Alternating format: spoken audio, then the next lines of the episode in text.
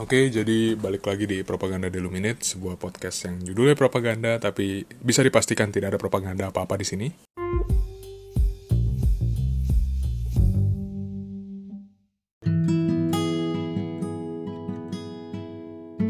Di episode kali ini gue bakal nyeritain pengalaman gue soal skripsi, karena sebenarnya akhir Februari kemarin sih gue baru sidang, dan ya ada banyak hal yang terjadi lah dari September sampai Februari itu juga termasuk kenapa gue sidangnya Februari dan lain-lain.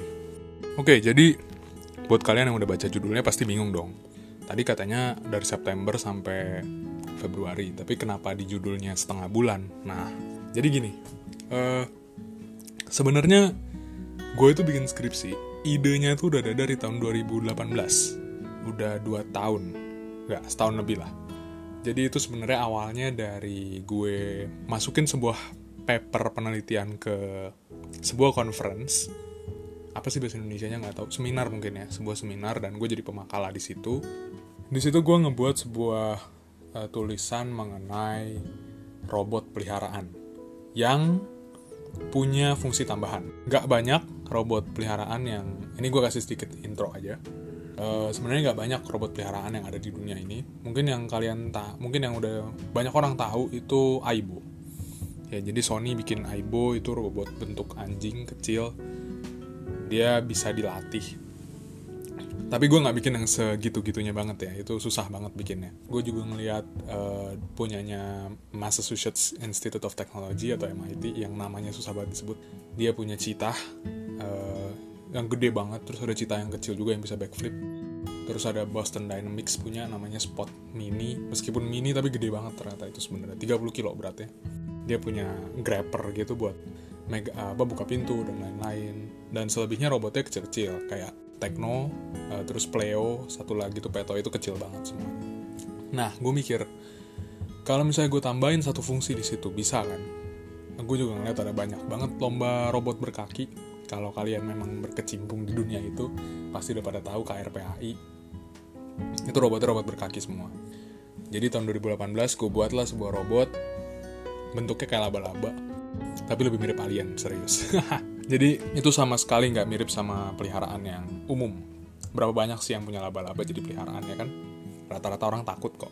Nah terus gue mikir oke okay, sesudah gue presentasiin paper itu udah masuk ke jurnalnya juga gue berpikir ya udah kalau kayak gitu gue skripsi tinggal nah ini nih kata-katanya ini emang ngeselin. Tinggal improve. Nah masalahnya tinggal improve di sini justru berakhir pada total rebuild atau bener-bener bikin ulang.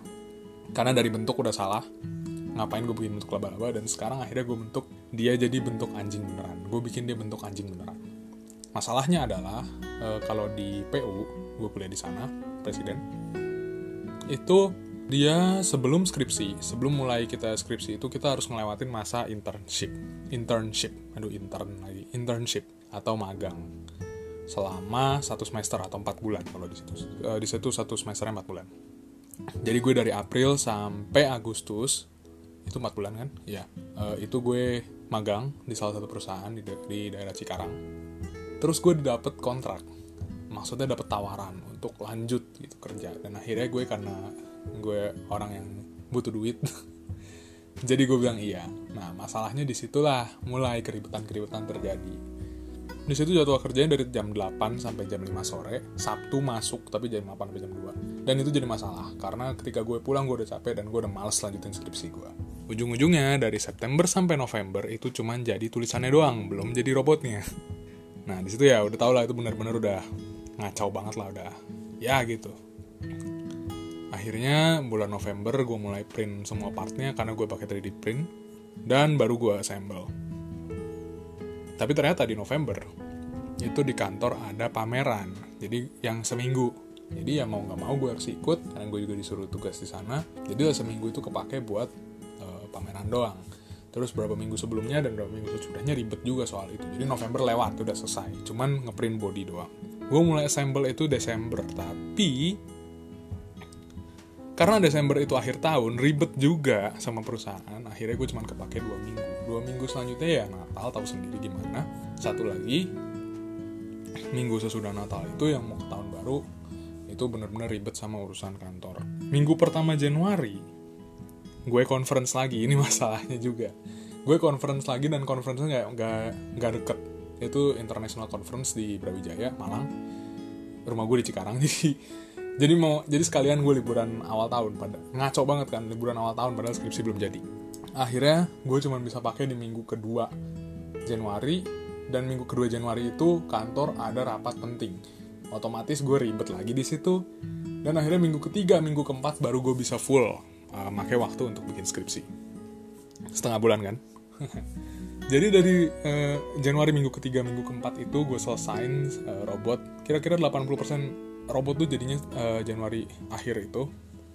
Tanggal 27 gue inget banget itu gue masukin skripsi awal gue ke uh, prodi. Belum ke prodi sorry.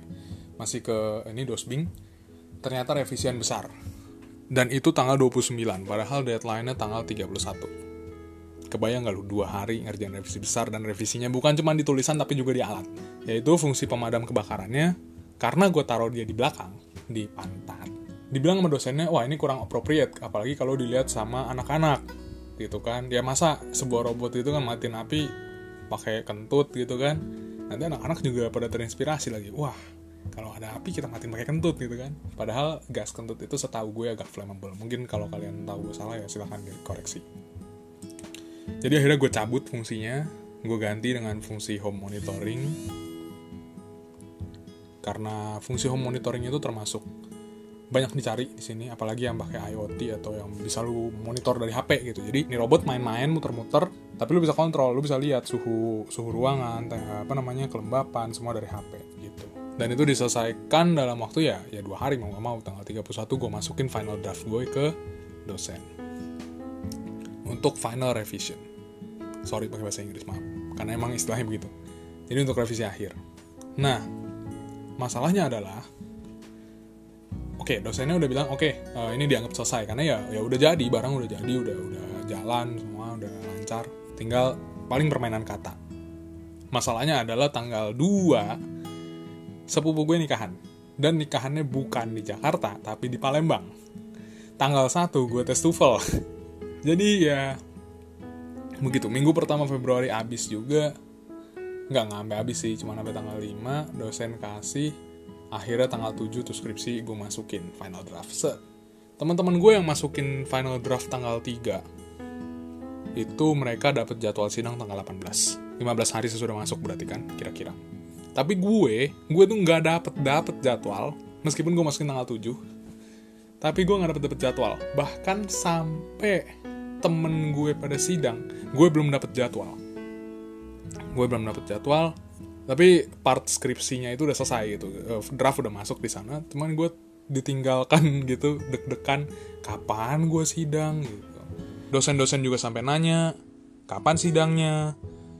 Mungkin karena ya beberapa dosen sih bilang bahwa berdasarkan performa gue selama di kuliah mereka expect gue untuk jadi salah satu yang uh, sidang duluan tapi kok ini anak gak dapet dapet jadwal gitu kan?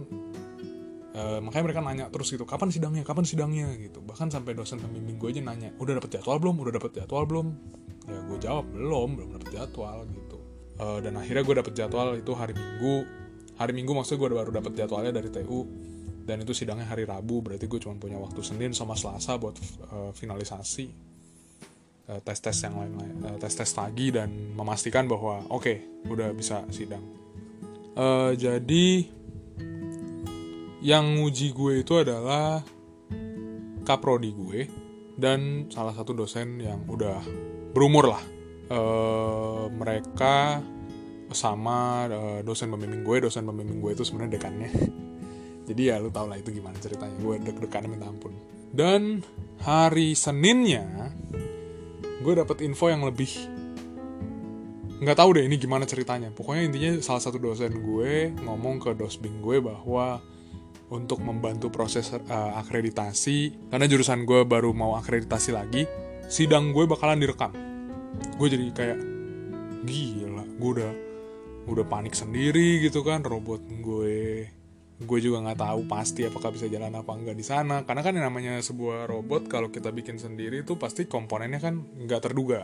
Dia bisa kita tes di rumah bener di sana tau-tau nggak bener gitu. Banyak itu banyak kemungkinan kayak gitu. Mungkin karena komponennya juga bukan komponen yang mahal yang bagus atau apa jadinya kayak gitu. Akhirnya gue sidang tanggal 26 direkam gue deg-degan parah dan ya hasilnya bisa dibilang oke okay lah gitu. Dan gue ya pasti ada revisi namanya juga dosen gitu dan akhirnya gue ngerjain revisian dan kemarin ya kemarin kemarinnya lagi dua hari yang lalu hari apa tuh? Hari senin gue akhirnya berhasil menyelesaikan revisian itu dan masukin revisian itu. Jadi ya bisa dibilang S1 gue selesai. Akhirnya ya setelah Bro banyak gue ngomong masalah dari tadi dari awal. Udah masalah banget tuh problematik banget itu the chaos lah itu satu uh, satu semester terakhir ini. Jadi itu cerita gue dan bagaimana gue nyelesain skripsi gue yang ya 80% skripsi gue gue selesai dalam waktu setengah bulan. Jangan dicontoh itu bukan contoh yang bagus. Bener-bener bukan contoh yang bagus. Uh, ya sebenarnya itu karena gue males sih. Emang emang gue yang nyari ribut sendiri nyari masalah sendiri. Udah tawan males gitu kan? Bukannya berusaha untuk tidak males malah ya udahlah ya ya udahlah ya begitu. Dan agak underestimate juga karena mikirnya oh pasti begini. Padahal itu bukan kali pertama gue bikin robot dan gue tahu bahwa bikin robot itu mungkin kalau kita lihat oh robotnya cuma ini ini ini. Gampang tinggal pasang ini ini ini program ini. Ternyata enggak gitu. Bikin robot itu enggak segampang itu jelas. Dan banyak hal yang nggak terduga. Kayak misalnya gue bikin robot ini pakai servo 8 servonya pas lagi tengah jalan rusak 4 bayangin robot lu 8 servo 4 servonya rusak berarti lu harus beli lagi 4 terus habis itu ada uh, terus beberapa komponen gue beli emang dari luar negeri dari Cina. Kebanyakan kayak bearing servo gitu-gitu. Dan kena lagi corona gitu kan. Semua shipping apa namanya semua pengiriman dari Cina tuh jadi terganggu semua dan waktunya jadi lama. Belum lagi komponen 3D printnya ada yang tiba-tiba nggak sengaja kebanting pecah dan habis itu harus ngeprint lagi dan sebagainya. Jadi ya uh, buat kalian yang baru mau skripsian atau yang buat adik-adik maba gitu rencanakanlah skripsi kalian dari awal. Pastikan kalau kalian mau ngambil itu sebagai topik. Dan jangan ikutin gue pokoknya.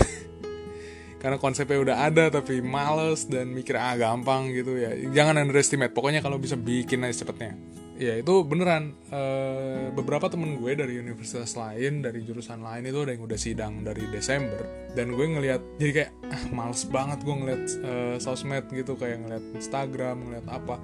Isinya kan foto mereka sidang foto mereka dengan teman-temannya. Mereka udah pakai tulisan sarjana apa sarjana apa. Kan gue jadi kayak kapan ya gue gitu?